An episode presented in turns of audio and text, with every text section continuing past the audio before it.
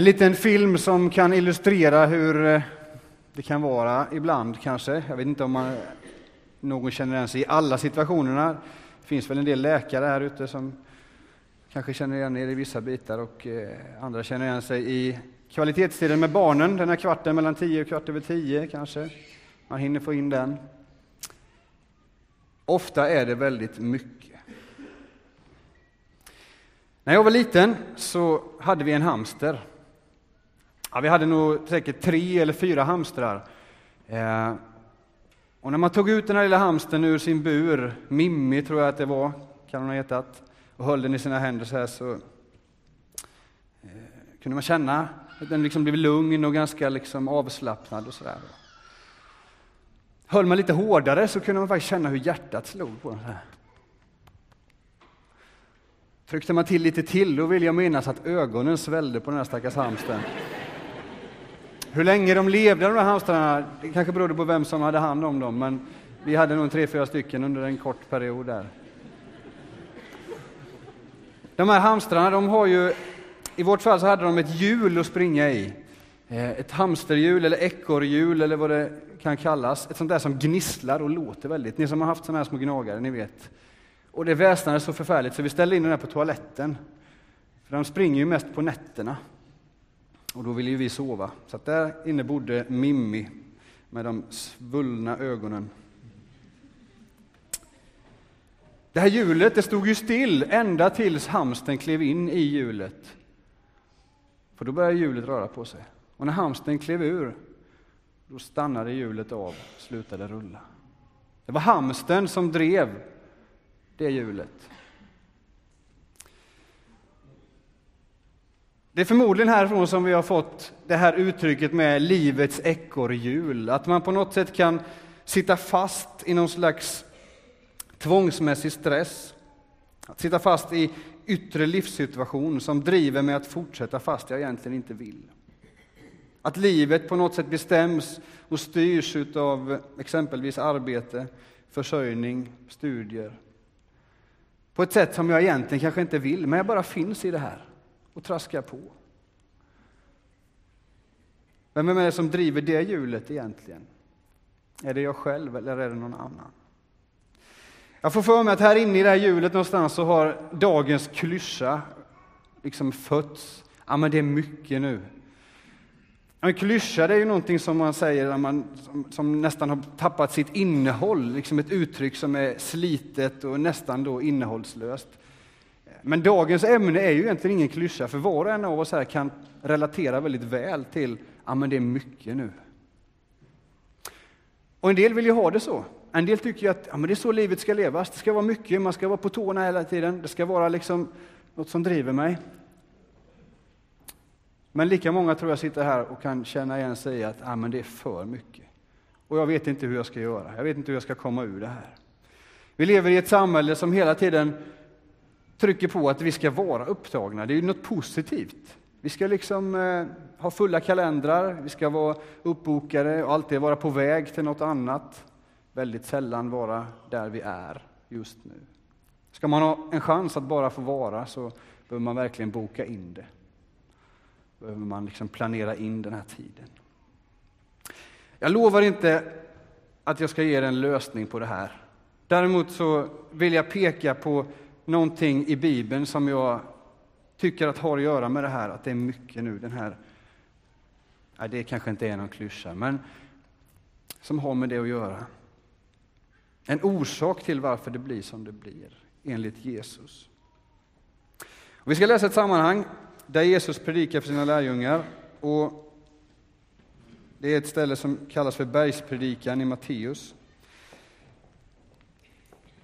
Och när Jesus undervisar så är han ju så suverän på att fånga upp hur stämningen, hur, hur det är runt omkring. Vad är det som berör de här människorna? Vad frågar de efter? Vad, vad längtar de efter? Vad funderar de på? Och så undervisar han dem utifrån det, där de står.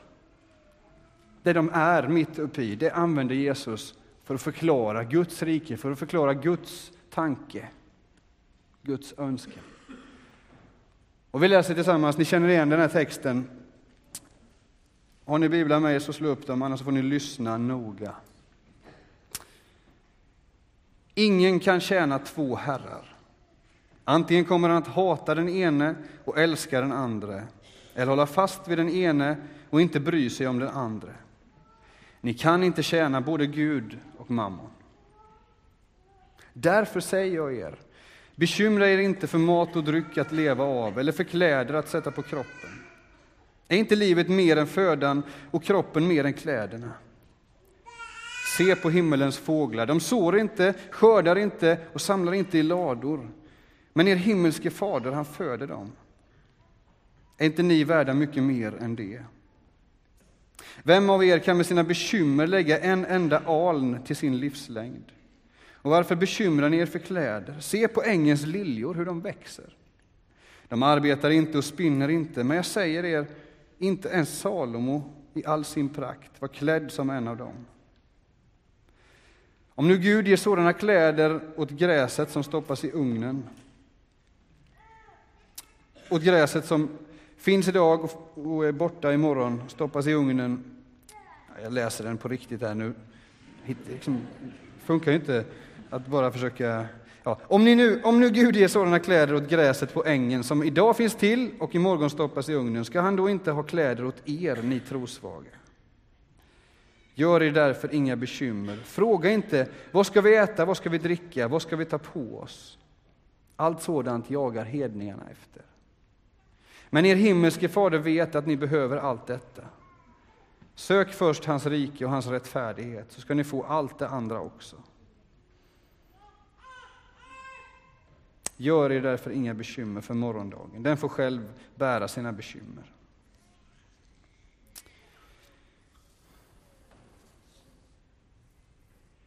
Alltså det här är ju på något sätt, kan man få för sig att lärjungarna har ungefär samma upplevelse som, som vi kan ha utav livet. Och Jesus, han plockar in det och undervisar dem om detta. Kanske finns det något här som vi kan lära utav. De bekymrar sig för hur de ska få mat och kläder, hur de ska försörja sig. Hur ska det bli? De är oroliga. På något sätt har en oro för hur vi ska klara oss alltid funnits sedan vi lämnade Gud. Sedan människan bröt med Gud så har vi alltid behövt kämpa för att leva. En oro som verkar ha funnits i alla tider sedan dess. Det är liksom ingen ny frågeställning, hur ska vi få livet att gå ihop? Vi har en tendens att ofta dela upp livet i olika delar. Ibland säger man att man verkar på olika arenor eller på olika scener där vi har olika roller som vi väldigt flexibelt växlar, växlar emellan. Vi har kyrkan, vi har fotbollslaget, vi har arbetet, vi har frimärksklubben, vi har fågelskådarklubben, vi har eh, olika grejer, olika områden som vi har ganska svårt att få till att bli ett, en helhet. Och vi är lite olika som människor på något sätt, eh, olika roller i de här olika situationerna. Livet blir liksom inte en helhet, utan snarare ganska uppdelat.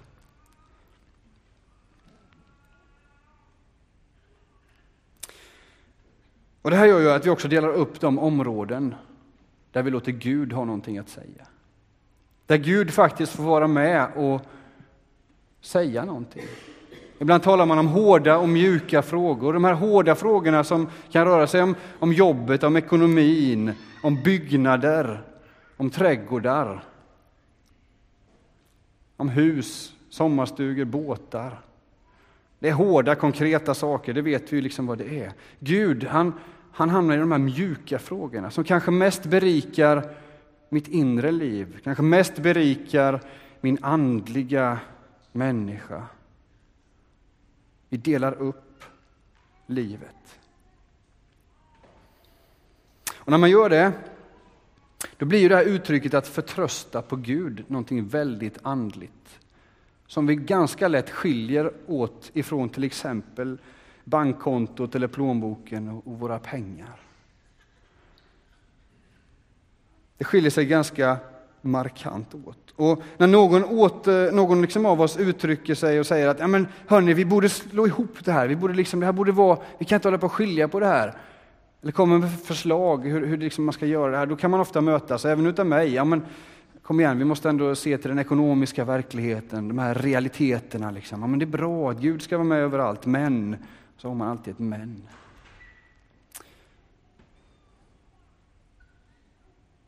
Det är som att när det handlar om, om ekonomi och pengar så är det något självklart fast och kontinuerligt, någonting som, som håller, någonting att lita på. Och Gud, han på något sätt förpassas ut i, till någonting som enbart berikar mitt inre liv, någonting som är ganska labilt, som ibland också liksom eh, grundar sig i hur jag känner.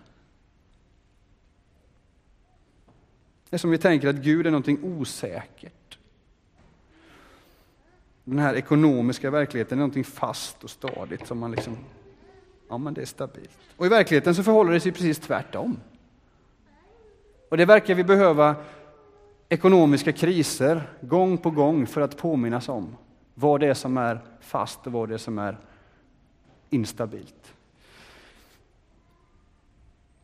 Är någonting som hänger på våran tro så är det ju mammon. Efter 11 september-attackerna så var inte den största oron att det skulle hända igen, att det skulle komma nya terrordåd. Den största oron var, ska vi som människor sluta ha tillit till marknaden? Ska vi sluta handla? För gör vi det så kollapsar systemet. Är det något som bygger på tro så är det ju börsuppgångar och börsnedgångar. Tror vi på marknaden av någon outgrundlig anledning, då stiger det, då är det bra. Liksom. Men skulle vi börja tvivla på ekonomin och på, på börsen, då, ja, men då sjunker det och genast så rensas våra bankkonton. Mammon drivs utav våran tro. Mammons hjul är något som vi själva driver. Men den levande guden, han har ett namn. Jag är den jag är. Gud är inte produkten av vad vi tror eller vad vi säger att han är. Han hålls inte upp av vår entusiasm eller våra träffar här i kyrkan. Gud är inte beroende av våra aktiviteter, det som vi gör här. Gud är den han är. Mitt i det antika Aten så reser sig Paulus upp och talar om någonting mycket stabilare. Mitt i vimlet av tempel och präster, offer och riter, allt för att gudarna och inte världen ska rasa ihop. Man offrade, man, man tjänade gudarna, allt för att liksom blidka dem, för att inte de skulle bli arga och världen skulle rasa ihop. Mitt i det sammanhanget så reser sig Paulus upp och så säger han följande, bland annat, han säger ju ganska mycket. Apostlagärningarna 17. Gud som har skapat världen och allt den rymmer, han som är herre över himmel och jord, bor inte i tempel som är byggda av människohand. Inte heller låter han betjäna sig av människohänder som om han behövde något. Han som själv ger alla liv och anda och allt. Det är den guden Paulus berättar om mitt i det här vimlet. Någonting som är stabilare, någonting som är konkret på ett okonkret sätt. Någonting som blir kontrast till det system som vi lever i och brottas med varje dag. För om Gud är källan till vår försörjning, det innebär att mammon inte är det. Tillbaka till Jesus på berget, lärjungarna som lyssnar till den här predikan. Och han eh, försöker på något sätt säga till dem, men det är klart att ni upplever att det är mycket nu. Självklart är det så. Därför att ni försöker göra både och. Ni försöker att tjäna Gud, att leva nära honom, att vara med honom. Lärare utav mig som är Guds son. Samtidigt som ni också vill ha den här världens rikedomar, den här världens bekräftelse och berömmelse. Och då blir det för mycket. Det blir mycket nu, hela tiden. För ni försöker göra både och. Det skulle kunna vara så att det här gäller oss också.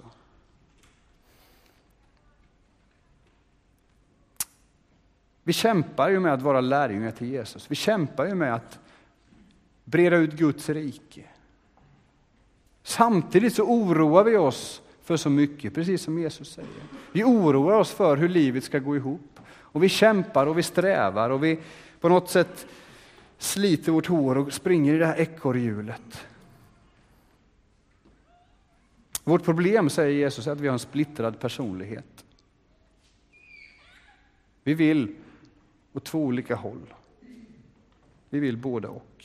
Jesus ambition var ju faktiskt att förenkla våra liv så att våra liv skulle kunna vara en helhet av begär, en helhet av längtan, en helhet utav mål. Inte att vi skulle liksom vara splittrade och att, att livet skulle vara så där många delar. Jag tror inte det. Jesus önskar att vi ska kunna ha harmoni, kunna känna frid. Men det går inte om ni försöker att göra både och. Att både söka Guds rike och söka mammons bekräftelse, den här världens bekräftelse. Då blir det förvirring och splittring.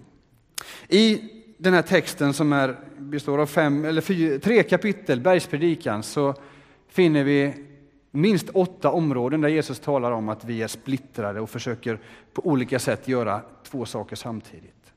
Vår text idag innehöll två stycken utav dem. Och det stod så här att vi försöker vara lojala åt två håll. Vi försöker söka både Gud och mammon. Vi vill ära Gud och lita på honom samtidigt som vi sätter vår tillit till arbetet, bankkontot, det som vi försöker sträva efter att med egen kraft göra här. Vi bekymrar oss för vad vi ska äta och dricka och klä oss med och samtidigt så bekymrar vi oss för Guds rike. Det är inte så att vi inte här i Ryttargårdskyrkan och i våra kristna gemenskaper inte söker Guds rike. Det gör vi ju.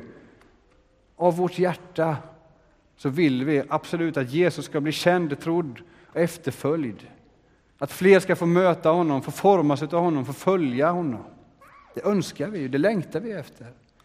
Det är ingen som skulle säga att man inte gjorde det. Men problemet är att vi också vill ha den här världens berömmelse och rikedom.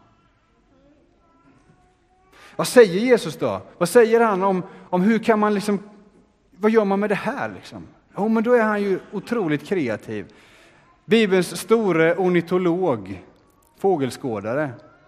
Jag är uppvuxen i en, en familj vars, eh, på min mammas sida där det var mycket fåglar. En morbror som var helt fantastisk på det här. Han sydde egna tält och gjorde egna kikare och vi låg i tält och en hel natt och jag var tvungen att kissa i flaska för att inte störa fåglarna och sånt där. Han var en riktig fågelskådare. Inte såg jag någon fågel för det heller, de kom ju inte fram. Och det jag minns mest är den här flaskan. Jesus säger, se på fåglarna. Alltså, titta hur de gör, dra nytta utav det. Lär er utav dem. Och då kan man ju säga så här, ja men det kanske är en, liksom en då är det lite, vad är det liksom för uppmaning? De gör ju inte särskilt mycket. Det är en ganska passiv syn på människan att, att titta på fåglarna och blommorna liksom och sådär. Men då har man nog inte studerat fåglarna så ingående. För hur ser det ut där kring midsommar? När det är som mest kacklande och kuckelikuande och allt sånt där ute i träden. Jo, då är det liksom febril aktivitet. Då ska det hittas en partner, det ska läggas ägg och det ska födas upp ungar. Och tittar man då på en sädesärla eller en koltrast, det är inte så att de inte arbetar. De flyger som tättingar fram och tillbaka, står och drar upp maskar ur jorden, allt för att försörja sina ungar. Att lita på Gud, att förtrösta på Gud, handlar inte om passivitet, utan det handlar om att hantera de förutsättningar som den här världen har. Som Gud har gett den här världen. Nu är det ju så att tittar vi runt omkring oss så har vi hanterat de förutsättningarna på ett sådant sätt att större delen av den här världen lever i misär och en liten del lever i ett stort överflöd. Skulle vi ha kunnat hantera det, skulle vi ha liksom gjort som, som Gud önskar, då hade det varit en harmoni, en helhet i detta också. Då hade alla haft vad man behöver. Våran önskan att ha både och, kanske mer önskan att ha den här världen. Alla människor längtar ju inte efter Guds rike, åtminstone inte vad de vet. Då hade vi inte haft den här uppdelningen i världen heller, tror inte jag.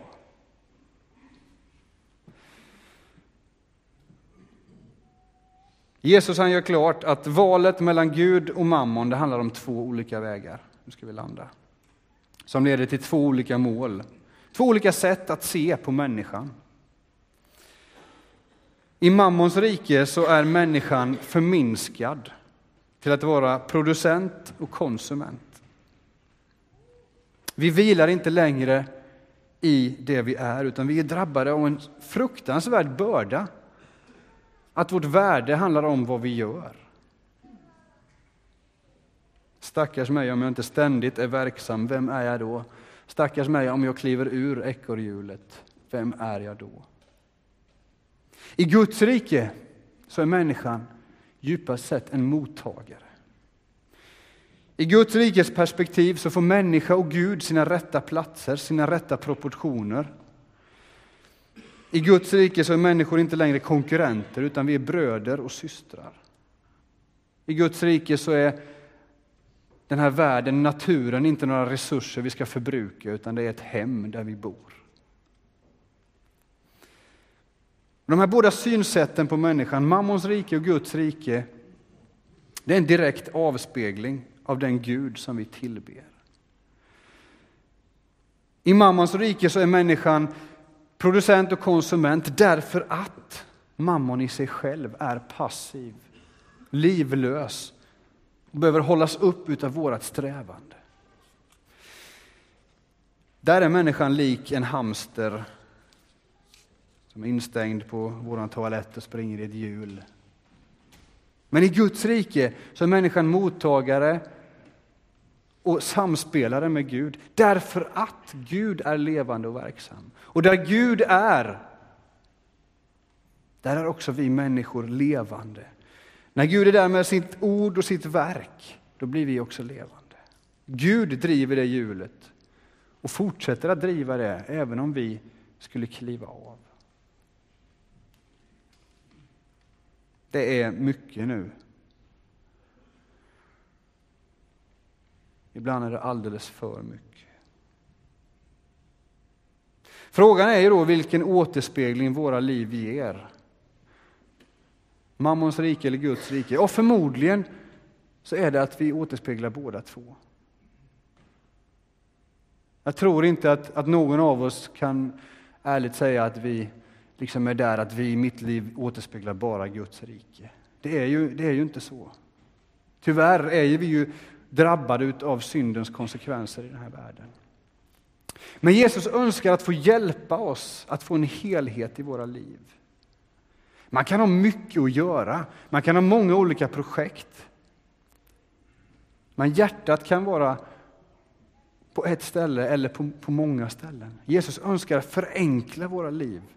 Kanske innebär det att vissa saker, vissa grejer behöver få andra, andra prioritetsordningar eller till och med tas bort ibland. Men Jesus önskar att vi ska ha balans i våra liv. Och han vill hjälpa oss att få en sann och riktig förtröstan på den som driver livets hjul.